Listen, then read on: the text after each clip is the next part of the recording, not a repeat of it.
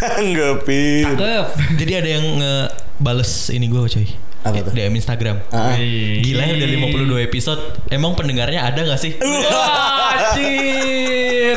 Santai sekali itu pertanyaan. Dia tidak tahu 52 episode. Pendengarnya itu berapa? didengar setengahnya. 26. 26. Anjir. Setengahnya kan? Oh iya. Kita udah 52 episode. Lima lebih lah. Oh lebih ya. Tapi kan ada mono kan. Oh iya betul.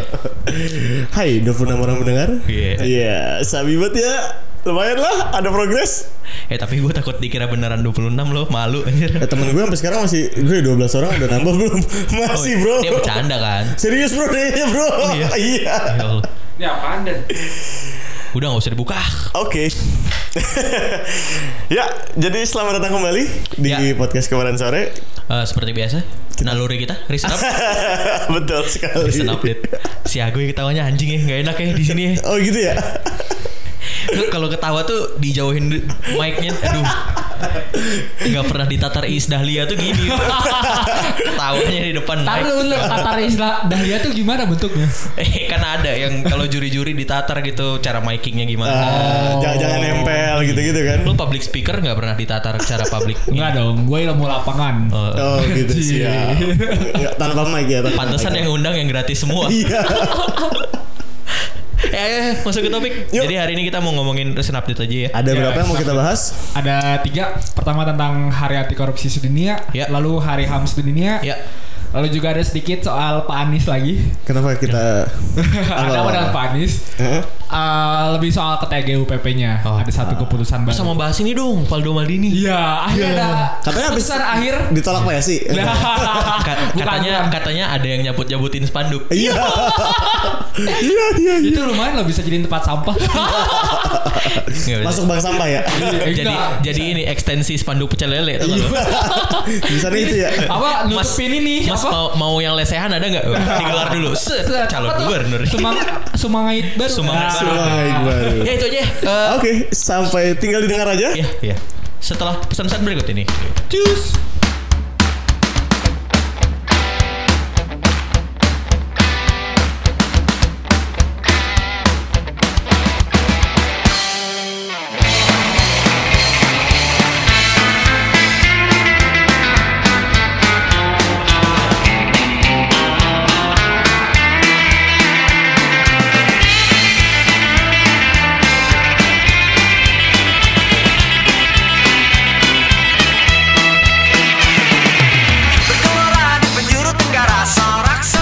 Oke, jadi sekarang kita masuk ke desain update yang pertama.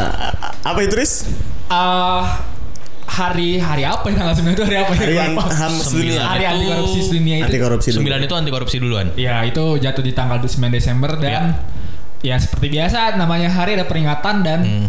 kemarin itu ada ada dua hal sebetulnya peringatan eh, hari anti korupsi itu ada dua kegiatan besar pertama tuh ada di KPK sendiri ada perayaannya Eh, Perayaan sudah mati ya? Perayaan sudah mati.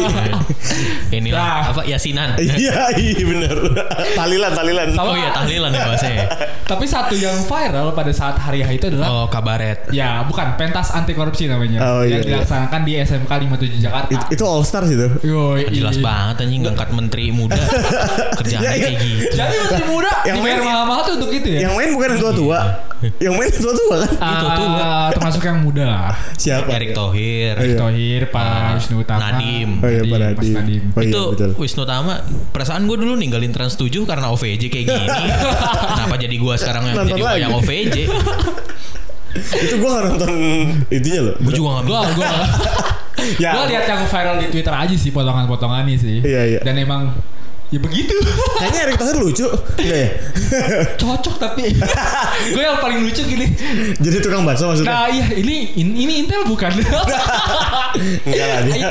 siapa sih Bang Bang oh Bilvan Bilvan itu siapa sih? Oh iya iya. iya. Twitter. Yang di Twitter. Kan. Iya, iya. Bilvan Sandalista. Iya, Oh, iya. Sama Sandal. ini Bang siapa sih Bang Fagat apa sih? Bagafat Sembada. Ya. baga baga Baga, Baga, Baga. Bang Baga gini dia nge-RT-nya. Memang negara kita itu memang penuh gimmick ya.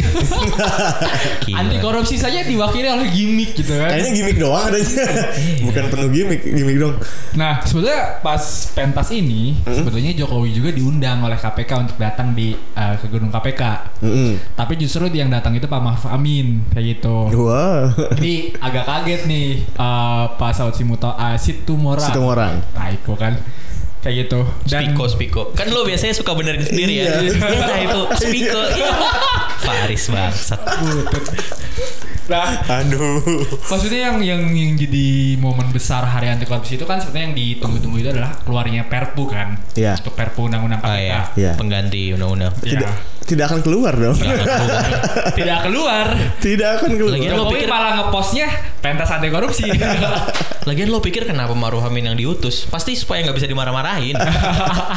Udah sepuh. Ya ya. kan. Perlu dihibur. mau mau dihadang wartawan juga wartawan gak enak. Iya. nah, gara-gara itu eh, media tuh bikin judulnya adalah ini katanya kado pahit untuk KPK di hari di harinya lah kayak gitu. Kayaknya KPK senang-senang saja. Enggak, ya makanya KPK yang baru. Iya. KPK generasi baru. Iya. Iya. Nggak, KPK pimpinannya Pak Agus Raharjo yang sekarang masih menjabat, Iya. tapi menolak. Mereka bilang eh, ini sebagai kado pahit karena Tuh kan. mereka ya tetap tetap akan apa ya melaksanakan tugasnya lah kayak gitu. Ya, ya, ya, ya. Terus tapi nah Harusnya, juga- sorry, sorry. Harusnya kalau ada anak korupsi kadonya dari KPK nggak sih? Kenapa KPK minta kado sih? Pengumuman lagi ya. Iya dong harusnya. Gue Yang enggak lah lo. Kenapa? Hari mama kan hari ibu kan buat itu. buat ibu kadonya kan. Iya ini kan berarti buat si anti korupsi kan? Kan Iya KPK berarti kadonya ke KPK dong. KPK hanya lambang dari anti korupsi Oh. kan? Iya nggak? Enggak bro. Nah, cuman mereka berharapnya ini sih uh, setelah keluarnya undang-undang KPK yang baru ini di- mereka berharap undang-undang lain yang nafasnya itu terkait anti korupsi dan sebagainya itu mudah-mudahan nggak ada yang ya lucu-lucu lagi lah katanya kayak undang-undang KPK kayak gitu. Aduh. Nah, Pak Mahfud MD kebetulan ditanya tentang tentang Perpu dan dia juga menjawab tidak tidak akan ada Perpu KPK ke depan. Wah. Nah, terus tapi yang menjadi Kan Pak Mahfud udah bikin penjelasan kan? Iya. Memang. iya sih. Enggak Tidak menegaskan mau. menegaskan lagi pada saat uh, tanggal 9 kemarin gitu kan. Iya, iya. Nggak akan ada kayak gitu. Jadi sangat disayangkan sih. Termasuk ICW juga langsung men-state oh ya udah negara Indonesia hari ini memang tidak pro dengan apa proses apa pemberantasan anti korupsi eh pemberantasan korupsi maksudnya kayak gitu. Iya, iya. Jadi ya udah apa S- gawat Stabilitas. lah gitu gawat. Stabilitas, stabilitas. Lagian Pak Mahfud belakangan itu udah makin gak relevan gak sih? Sudah uh, mulai masuk rezim. Iya cuy. Lo tahu yang komentarnya terkait Hari HAM sedunia nggak? Enggak tahu belum. Apa Jadi tuh? Pak Mahfud tuh nge-state semenjak 2014 zaman Pak Jokowi, penegakan HAM itu udah baik di Indonesia. Wah. Gua mau Kecuali- menolak nih, gua mau Ke- menolak. ada kecuali kecuali ada beberapa kasus yang tidak bisa diselesaikan gitu. Hmm, oke. Da- Nah, yang tidak bisa diselesaikan dari tahun 65 ya. Panjang sekali. Tapi Oh, iya. justru eh, ini nyambung ya ke hari HAM yang juga jatuh di tanggal 10 Desember. Iya. Dari Indonesian Legal Roundtable itu ngeluarin satu indeks. Apa tuh tentang kom- konferensi meja bundar maksudnya? Iya Indonesia Pokoknya peneliti lah, peneliti lah katanya. Meja bundar Indonesia. Iya. Indonesia Ya. Legal Ini siapanya Bu. Dwi Estia siapa yang di Twitter? Estia Ningsih. Estia Ningsih ya. Itu siapa lagi? Ada aktivis pro LGBT lah pokoknya. Enggak, dari ILR ini ngeluarin satu nilai indeks penegakan hukum dan HAM. Menyingkatnya ILR lagi nggak enak banget ya. Iya juga ya Indonesia Round. Ya pokoknya Indonesia Legal. Oh, legal. Eh, intinya. Iya, yayasan yayasan yang mengkawal tentang penegakan hukum dan ham ini Ah, iya, yayasan nih. nilai karena justru sebelum zaman Jokowi atau zaman terakhirnya Pak SBY itu nilainya masih di 5,4 Dari dari 10 Di. Pak SBY. Oh iya. ya Nah, kalau dia Pak Jokowi nah di awal di akhir 2014 itu nilainya turun drastis jadi 4,15 Sekarang turun lagi jadi 3,82 dan enggak sih datanya sampai 2017 itu Hmm. 4 di 4,51 Oh naik lagi dong. Ya naik, udah mulai naik sih kayak gitu. A- ada apa di itu? 2015. Cuman maksudnya kan dari situ kita ngelihat uh, di perubahan rezim ini bet- uh, apa namanya beda mem- gitu. memburuk. Iya justru memburuk gitu. Jatuhnya kan ini ya nyaris beda satu lah kayak gitu. Itu sepertinya metodenya salah. Nah, Iya. nggak tahu. Mahfud Cuman, saja bilang baik. cuman emang yang disorot ini adanya penurunan ini karena lebih banyaknya justru eh, kasus penegakan hukum HAM ini di posisi pemerintah sih. Apa apa? Kasus penegakan hukumnya? Ini maksudnya men- menurunnya indeks penegakan hukum dan HAM ini Hah? banyaknya porsinya itu karena eh, Intervensi pemerintah. Ya, intervensi pemerintah dan sikap pemerintah yang ya tadi eh, apa ya dianggap tidak pro dan kurang serius gitu untuk eh, menyelesaikan kasus-kasus HAM yang lama gitu khususnya kayak gitu. Bahkan di Yang baru, yang lama semua kayaknya. Iya, ya intinya semua kasus HAM yang belum terselesaikan lah kayak gitu. Itu sih ditambah juga di Litbang Kom- eh, Kompas mereka ngadain survei Ya. di lima kasus gue lupa lima kasusnya apa tapi yang salah satu yang kalian udah sebutin memang rata-rata itu eh, menganggap sekitar 50% itu menganggap pemerintah tuh nggak akan mampu untuk menyelesaikan ini eh, satu ta- satu kabinet ke depan Menyelesaikan? kasus-kasus HAM lama dan yang baru Periode ke kayak depan. gitu. Nah, tapi kalau nggak salah lebih ke kasus HAM yang lama sih Semanggi eh, Trisakti Ya. 98 dan pokoknya yang di bawah reformasi sih kayak gitu terkait tanggapan Pak Mahfud ya. Iya. Pak Mahfud tuh kan ngomong ya pemerintah tuh udah baik, hanya ada beberapa kasus aja yang enggak ini. Hmm. Gue tuh jadi keinget omongannya Chris Rock. Apa tuh? Chris Rock tuh pernah ngomong ada ada eh, profesi Hmm? yang nggak bisa lo nerima beberapa orang beberapa orang gitu. Ha- harus. Contohnya harus semuanya Harus perfect semuanya, gitu. iya, Contohnya iya. tuh pilot. Ah, Jadi pilot tuh nggak bisa ngomong, maskapai itu nggak bisa ngomong. Ya kita mah punya banyak pilot yang suka mendarat, hanya beberapa aja yang suka nabrak gunung kan nggak bisa gitu. Iya, gitu. iya, Sama kayak penegakan anti korupsi dan lain-lain tuh nggak bisa hanya Betul, beberapa betul. kasus. Yang harus seminimum mungkin ya. Iya. Iya, iya. lu kan nggak mungkin ngomong ke orang kayak gitu. Apalagi dia kan ngomongnya di media. Iya. Dan yang denger omongan dia bisa jadi yang korban yang dibilang hanya beberapa kan. Yes. yes Lo bayangin nggak? Kenapa anak gua yang kena? Kenapa anak gua jadi bagi- bagian yang dari beberapa Iya, itu? betul, gitu. betul, betul, betul. Itu itu jadi kayak hak asasi manusia itu kan hakikatnya ditegakkan dan berdiri kan. Berarti kalau misalnya ada yang nggak berdiri, ya udah itu hitungannya melanggar kan. Dan Iya. maksudnya penegakan hukum itu nggak bisa dilihat sebagai statistik kan? Iya, betul. Sama kayak pemberantasan kemiskinan gitu. Iya, iya, iya. Kalau lo cuma ngelihat angka-angka ya, yang menikmati angka ya cuma lo yang sebagai pemerintah gitu. bisa jadi kosongan ya. Iya. Siap. Kayak surveinya Sri Mulyani. Iya. tapi memang di hari dua hari besar ini memang sangat apa ya eh, miris sih gua karena kan di dua hari itu banyak aksi juga kan ya Banyak lah. Justru Ya. pada saat hari itulah juga banyak penangkapan lagi sebetulnya untuk Oh, teman-teman peserta aksi. Kayak gitu gue ada gue lihat dari Bapak Manik. Wah, siap. ada beberapa peserta aksi nasional itu ditangkap. Tapi alhamdulillahnya dibebaskan lagi. Cuman jadi miris karena di situlah hari terbesarnya HAM di mana Ya. salah satu HAM itu menye- eh, menyampaikan pendapat tapi justru ditangkap gitu. Iya. Lalu di mana ke- eh, letak kebebasannya kayak gitu kan jadi pertanyaan. Hari ini juga sidangnya Lutfi kan. Iya, betul. Ya bertepatan Dan juga. tadi hari- 14 15 orang tadi di sidang Hmm. Iya, iya, iya. terkait demonstrasi itu. Ini juga kalau istilah lo tadi hari tanggal 9 itu ada kado pahit Untuk dari pemerintah. Ini ada kado pahit juga sih dari mereka buat di Bandung apalagi tadi ada penggusuran, Pak. Oh men. Gila Fresh from the oven ya. Iya. Iya, kayaknya sampai sekarang ya mudah-mudahan stay safe semua. Tapi emang Apa yang stay safe anjir? Sampai Orang masuk masjid aja mereka udah ngungsi Betul. gitu ya, udah mundur masih dihajar gas air mata. sampai kita rekaman ini kita nggak tahu kondisi Iya, persisnya lagi mereka udah gimana. stay tapi tidak safe. Tidak safe iya ya. Nggak maksudnya untuk waktu sampai saat ini, iya nggak sih? Iya. Kondisinya adalah mudah-mudahan gue kita belum update lagi ya posisi Iya, posisinya iya. kayak gimana. Tapi kalau dari yang gue ikutin tuh anehnya adalah Hmm? eh, mereka nggak ngasih detail waktunya kapan gue. Waktu dari Waktu dari eh, turunnya aparat itu mereka nggak dikasih detail jamnya jam berapa. Oh, Ya, yang- mereka taunya hari ini doang. surat izinnya kan dadakan ya? Eh Dan surat mereka nggak nunjukin surat itu juga. Ya. eh, Katanya dadakan dan langsung datang, Iya. nggak nunjukin jam. Ya. Dan dan yang anehnya adalah karena ini mereka masih berselisih. Iya, Tanah masih, sengketa di PT Iya, UN sebenarnya. Iya, masih kan. betul. Belum beres padahal. Belum beres. Yes. Jadi ya ini sih maksudnya kembali lagi akhirnya eh, aparat kepolisian itu dijadikan apa ya se- sebuah instrumen untuk itulah gitu. Ya. represif gitu. Meng- mengerikan sih benar-benar menger- mengerikan dan memang dari data YLBHI juga di bulan Agustus sampai bulan Agustus kemarin itu ada 6.000 kasus tentang ini loh pelanggaran kebebasan berpendapat Khusus berkebebasan berpendapat aja. Kebebasan berpendapat Dari aja sekian gitu. banyak HAM yang ya. jadi salah satu apa ya poin besar reformasi kan kayak gitu. Hmm. Itu yang paling wah banget gitu lah. Mungkin orang-orang dulu seneng banget ya ketika eh, hal ini tuh akhirnya diatur undang-undang gitu Iya. ya. Tapi sekarang Tidak kita ditegakkan. baru 21 tahun gitu ya setelah reformasi tidak bukannya adanya peningkatan tapi ini justru makin menurun lagi gitu. Biasa- Gua, gua agak ngeri sih. Kayaknya lagi puber gitu gak sih? Lagian lo Jadi seakan kembali lagi ke waktu baru gitu Pak. Ya lagian lo ngarepin apa dari negara yang ada pencemaran agama undang-undangnya? Ya, a- apa yang mau kita harapkan dari menteri Iya. perta menteri pertahanan kita lah pelanggar HAM. Oh, Wow. negeri kita- Oh, belum terbukti ya? Belum terbukti loh. right. Faris suka keceplosan terus deh. Iya. Dua episode terakhir. Mendagri kita ter- ada kasus juga kan gitu di hari anti korupsi ini. oh iya betul.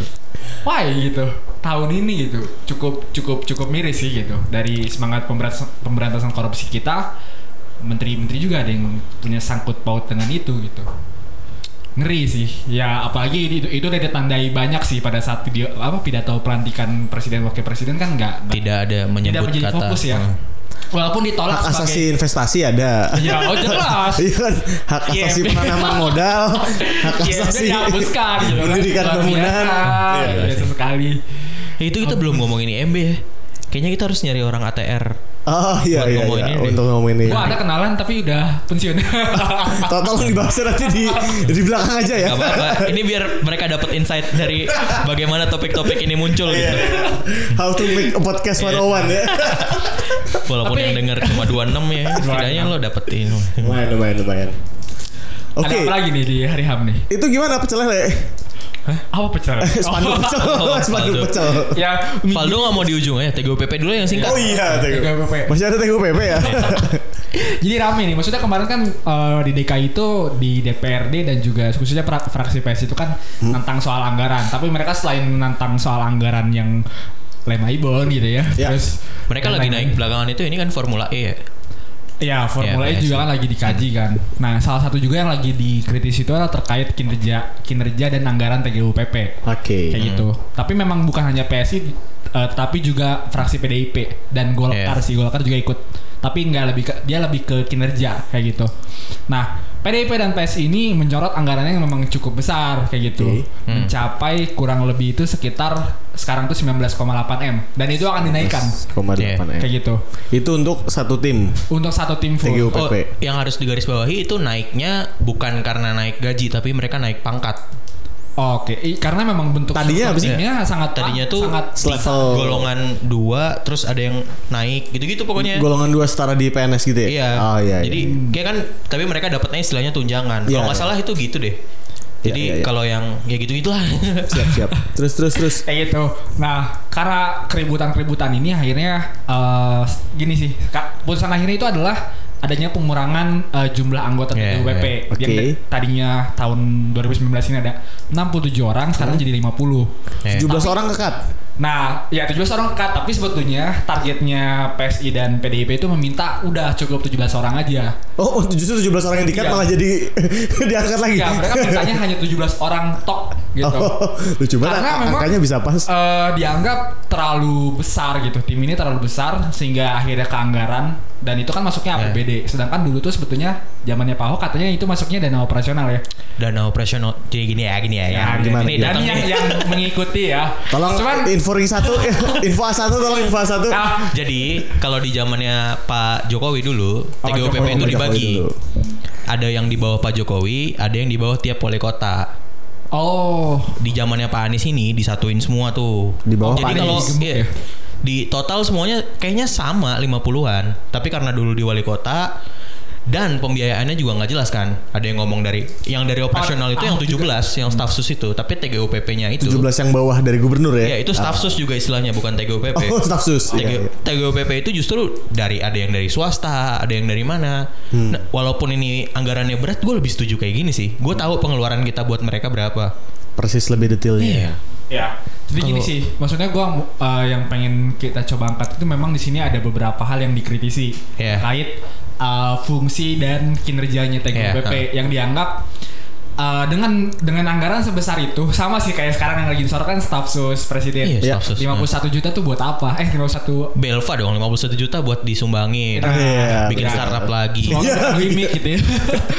gue takutnya gitu doang. Nah, disorotnya seperti itu TGUPP juga. Hmm. Sebesar ini tuh buat apa? Sedangkan eh gini, jadi beberapa tugasnya TG apa anggota TGUPP itu dianggap eh, melangkahi beberapa Tumpang tindih, tumpang tindih. tumpang tindih Iya. dengan beberapa tugas. Misalnya ada tugas wagub itu untuk eh, perencanaan anggaran itu dianggap eh, TGOPP mengambil itu, padahal itu tugas wagub dan itu dia- Iya. diatur di undang-undang Pemda Hmm. kayak gitu. Terus ada, ada juga evaluasian kebijakan gubernur.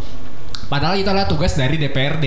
Hmm. Yang sebanyak itu gitu ya, dengan anggaran yang udah udah udah udah cukup besar. Itu yang disorot. Nah, selain itu disorot juga adalah si TGOPP ini kan mendampingi program-program prioritas gubernur. Oke. Nah, dianggap adanya TGOPP ini justru menghambat eh, peningkatan kinerja Pemprov. Jadi eh, teman-teman yang asli PNS nih Hmm. jadinya tidak tersorot gitu dengan adanya Iya. TGOPP ini. Karena terambil oleh TGUPP gitu Iya, maksudnya. kayak gitu. Wow. Itu yang disorot DPR. Jadi sungguh, sungguh mulia ini ya. Ah, siap. Berarti teman-teman PNS gitu.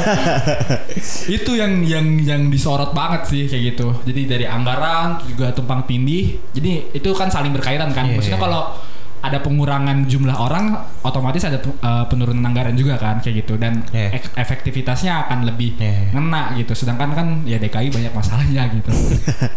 Eh, Iya. Terus- Terkait yang tumpang tindih ya, Iya. kayaknya memang harusnya tumpang tindih gak sih?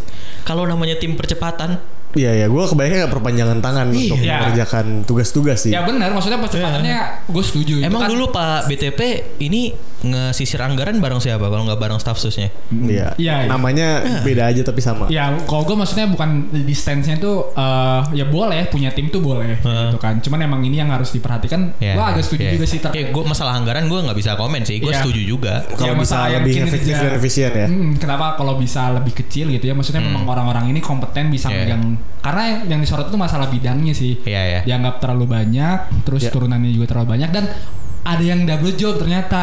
Ini Ya, yang mengerikannya. Double job. Iya, Iya, jadi ada yang orang Jobnya luar. sama tapi Hmm, yang jadi ada salah satu anggota TGUPP itu Hmm? menjadi uh, dewan pengawas di salah satu RSUD Jakarta. Oh alah. Dan, Dan- otomatis Hmm. uh, gaji dia sebagai dewan pengawas itu juga dari Iya, APBD. iya. Double. Double, dua-duanya Secara dari anggaran APBD. dia Yang- double. Terus juga secara kinerja kan akan tidak fokus gitu Iya. dengan dua tugas Ya, besar itu. yang menarik di balik itu sebenarnya yang ngangkat dia jadi dewan pengawas tuh Pak BTP dulu. Oh, iya. Terus dimasukin TGOPP sama Pak Anies. Ini orang sakti nih. Waduh, dia Sakti nih nih orang. netral sekali sepertinya. Bisa aman gitu. Mana nih? Udah setara sama Pak Saifullah Sekda nih dia, dia. Aduh, gokil lah. Bisa bertahan dari dua periode ya. siap, siap, siap. Dan yang ada yang disorot DPR tadi itu menarik sih. Karena justru yang gue denger dari ininya usulan-usulan dari PNS itu justru makin ketangkep, Riz. Makin ketangkep tuh mah maksudnya terlalu biasa. Didengar sama TGUPP Ma- berarti. malah didengar. Oh. dan Sama mereka TGOPP? jadi iya, dan mereka jadi dapat kesempatan buat bersinar. Ini kayak ada dua sisi mata koin nih. Oh, iya. Mana yang mana yang lebih sering kejadian aja gue nggak tahu. Iya, Dilempar iya. mana yang setengah mana yang Ketutup atau ya. malah kedengeran? Iya. Enggak maksudnya kan itu jarang dinaikin gak sih maksudnya? Ya. PNS, PNS. Atau ketutup tapi lebih didengar. tapi ya, Ya, kerjanya ya di nggak tahu Dan kan. kayaknya PNS nggak pernah ada yang ngumumin deh kerjanya apa. Iya sih. Iya internal aja gak sih? Iya, internal Karena aja. sebetulnya sekarang udah mulai banyak sih bentuk apresiasi-apresiasi kayak Iya, gitu sebetulnya. Via ini ya, medsos-medsos gitu. gitu. Iya. Dan dan itu kan tercatat kalau lo mau lelang jabatan kan ada itunya Ah, kan. track- dan iya. itu ada track recordnya di situ Berarti di sih. internal aja ya kayak gitu. Iya lagi ngapain lo tahu? Ngomong-ngomong, Ya, siapa tahu ini kan. TGUPP itu udah masuk tahun ketiga berarti. Satu, dua, tiga. Iya. Dihitung dari Pak Anies. Iya. Tahun kedua dong kan beliau Ah, iya, baru dua tahun- tahun. ini Iya, tahun ini tahun ketiga. Iya, ya. Dua tahun masuk ketiga. Selama ini uh, kinerjanya dievaluasi langsung sama Pak Anies berarti. Iya, Nah hanya itu di- yang evaluasi di di Pak Anies. Iya. Ya hanya di gubernur aja. Nah, makanya ini pun disorot gitu karena Hmm, hmm. kok dia bagian dari pemerintah tapi DPRD nggak boleh menyoroti kinerja Iya, iya. dia kayak gitu. Ini juga dipertanyakan sebetulnya. Oh dinyatakan tidak boleh ya? Iya, di, ya, Bukan makanya ini bo- karena kayaknya mereka nggak ngerti skemanya deh buat ngecek kayak Jadi ngapain. kayak nggak tepat juga gitu ya? Karena kan memang ruangnya abu-abu kan. Ini lo perpanjangan tangan gubernur Ya. tapi bukan eksekutif. Ya, ya. Lo juga bukan SKPD. Iya, nah itu. Jadi ruangnya abu-abu sih memang. Ya, ya, ya. ya. Memang perlu perlu diperjelas lagi ya. Kalau kalau emang bisa diperjelas lebih enak ya. Hmm. Iya, iya. Oke, oke. Itu Next. dari tiga ya yang keempat terakhir itu Iya. Ada kado pahit ini beneran pecel lele. ini beneran kado pahit buat abang kita semua ya. Iya, betul. Pardo Maldini sudah susah-susah pindah partai. Ternyata ditolak gugatannya di MK. Gila sih. Nah, mari kita reminds dulu jadi yang digugat waktu itu ada apa aja? batas Ah, usia. batas usia Penurunan batas usia. Ini. Satu batas usia. Pilkada ya. Oke. Jadi batas usia pilkada itu di tiga Jadi untuk eh, calon wali kota atau bupati dan wakilnya juga itu adalah 25. 25. Ah, 25. Sedangkan gubernur itu minimal 30. 30. ya. Dan Dan Valdo itu kurang sehari kalau nggak salah ya. Sehari. Ya. Sumpah, Umur sehari. dia itu sehari. Iya gue tau dia 29 ya. Dia 29 dan di pendaftaran itu hari pen- hari terakhir pendaftaran umur dia 2 30 tahun kurang sehari. Wow, nyesek sekali. Kenapa dia nggak lobby lobby KPU ya? Biar perkapnya dirubah ya. Iya. enggak, KPU enggak undang-undang pilkada. Eh, undang-undang Kalau pilkada kan? Ya itu yang digugat. Iya, itu iya, kan jadi. undang pilkada kan? Iya, iya. Iya, bukan per- peraturan KPU-nya. Itu kan lebih teknis. Berarti nggak ke KPU ya? Enggak ke KPU. Enggak. Dan akhirnya ditolak lah. Enggak. Iya. Sebenarnya dia bisa ngegugat tanggalnya nggak sih? Tanggal pendaftaran. Untuk digeser gitu Kayaknya ya. lebih iya lebih ini deh. Bilang aja, Iya. oh hari jangan hari ini, besok aja. Kayaknya lebih Ada gampang libur gitu. gitu kan. Enggak kalau gugat tanggal cuma buat dia doang. Iya. Kalau ini bisa bareng Oh sama iya banyak bener. orang. Karena Samara tuh jauh ya umurnya. Iya. ya. Samara tuh Samara seumur Anda. Eh, iya, enggak masih Samara masih 23, tuan cuy. Samara. Oh, tuan Samara ya? Sama sama lu Samara. Samara Gua sama Faris kan lebih muda. Oh Sorry iya. iya. Eh, jadi Val Ah, yang yang menarik itu sebenarnya gini, mereka tuh ngajuin batasnya tuh jadi 21, Pak. Oh jauh banget dong. Ah, jauh banget. Jadi awalnya itu gue dengar dari Taruh bentar, gua bacain itu eh, inget karena banyak kader-kader PSI yang kemarin gagal itu jadi Maju kan, semua. maju kan Ya. A- Eh. ada yang memang umurnya di bawah 25 ataupun di bawah 30 ya ada yang di atas Siapa sih, 30 siapa? tuh Rian Ernest doang. Rian Ernest tuh 3 31 apa 33 gitu. Oke. iya dia Eh, revisi kalau nggak salah Jurgen juga Jurgen di atas 25 karena Jurgen kan wali kota Wali kan. kota. Heeh. Iya, iya, iya. Eh, Jurgen udah fix nyalon. Maju. heeh. maju oh taruh tahan tahan Tahan. Ya, tahan. Ada episode khusus. Iya, itu ada. undang lagi. Nanti diundang lagi. kita ada oleh channel Iya. tapi maaf eh, wakilnya ternyata IG-nya sudah mulai tidak aktif ini Oh iya. iya gue bingung Rumah Imperiumnya masih aktif kok. Nggak Oh, iya, apa-apa. iya. Enggak kemarin balas ini gua, WhatsApp gua, eh ini gua, DM gua. Oh iya. Siap, mantap. udah nggak udah nggak update tapi Oh, ya dah Sibuk kan ngalon. Lanjut lanjut. apa nih tadi? Jadi yang Rian maju Ernest itu 31. Rian Siapa Ernest, Rian, Rian Ernest tuh udah aman. Eh Samara sih, Samara tuh Iya lebih Sama berarti ya. dua. Kalau dia emang mau nurunin 21 emang masuk berarti ya. Kalau dia mau jadi wali kota atau Ah, bupati. nah anehnya itu gini pak jadi mereka itu sempat ngomong mereka itu sempat nggak nentuin ini nentuin umur jadi ya itu terserah bapak hakim aja mau nuruninnya jadi berapa Wah. cerita. Nah, terus dibalikin bukannya, sama- Bukannya review itu udah harus kayak Ya. dia mau ngusul Lengkap, lengkap. gimana? terus kan? dibalikin ya kamu lah yang nuntut kenapa kita yang nentuin gitu ya Taruh ini Itu siapa yang kayak lagi Bentar itu kayak lagi ngomong sama dosen gitu ya. Iya. Pak, eh, Ini kan kayak masih tahap deh. awal kan, Tapi masih argumentasi. gitu. Iya. Pend- pendengaran itu gitu kan. Uji dengar, uji dengar, iya. Terus eh, akhirnya dia ngambil 21 dengan alasan ya kenapa bisa jadi DPR umur 21 kalau maju jadi eksekutif nggak bisa. Oh iya. Alasan mereka Alasan itu. mereka kayak gitu. Oh, mereka Iya. akhirnya kemungkinan 21. Ini 21 Tambah. akhirnya karena itu sama dengan batas DPR. DPR. Bahkan sebetulnya kalau kalau emang DPR 21 mungkin bisa lebih mudah eksekutifnya. Enggak lah, gimana sih Ya, lu? bisa aja kan. Enggak sih. Harus lebih tua sih menurut gue. Ya beda ya, beda ya. Karena gue anggapnya DPR itu sebenarnya Kajian secara, akan secara, panjang secara sih. pemikirannya lebih lebih lebih harus lebih kompleks gitu. Karena mereka- eksekutif kan banyaknya kerjanya teknis pak, lebih gampang belajarnya sebetulnya.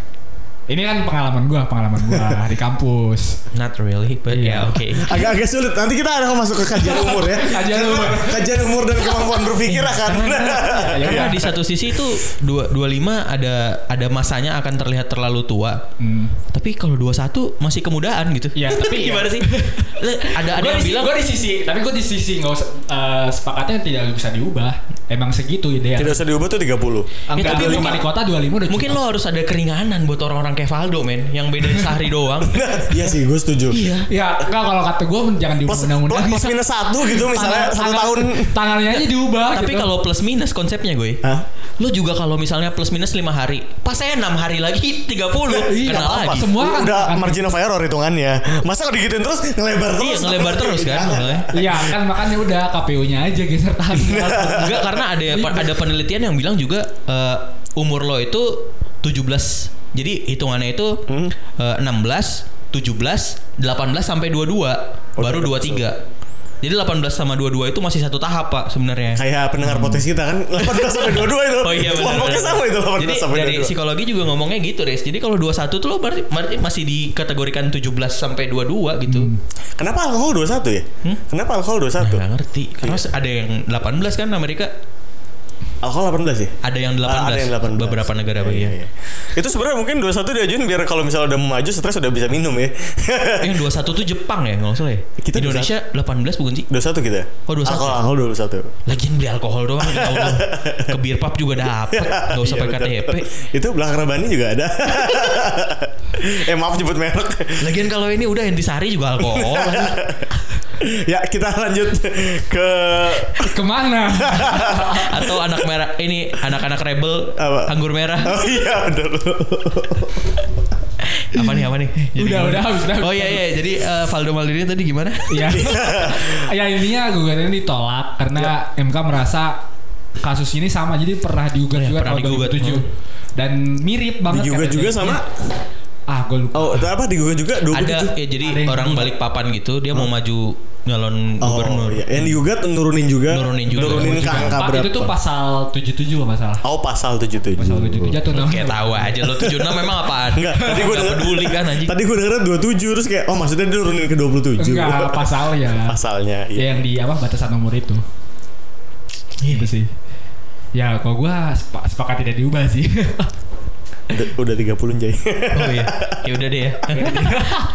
Itu dengar ya, supaya eh, yang persenan kalian yang menyelesaikan podcast ini juga tinggi ya. Iya, betul. Kami selesaikanlah episode ini sampai di sini ya. Iya betul sekali. jangan lupa follow twitter kita di @kalau underscore kataku Betul? Eh, Instagram juga di kalau kataku. Oke Juga ini kita eh, sponsor pertama kita Cafe Bir Bandung. Hey. At Cafe Bir BDG. Salah bu. Oh salah. Salah lagi. Bibirku. Oh, at Cafe Birku. kan itu orang lain. Kafe kafe apa yang bir? Kafe bir. Tagline yang sangat mantap. Sampai berjumpa di episode selanjutnya.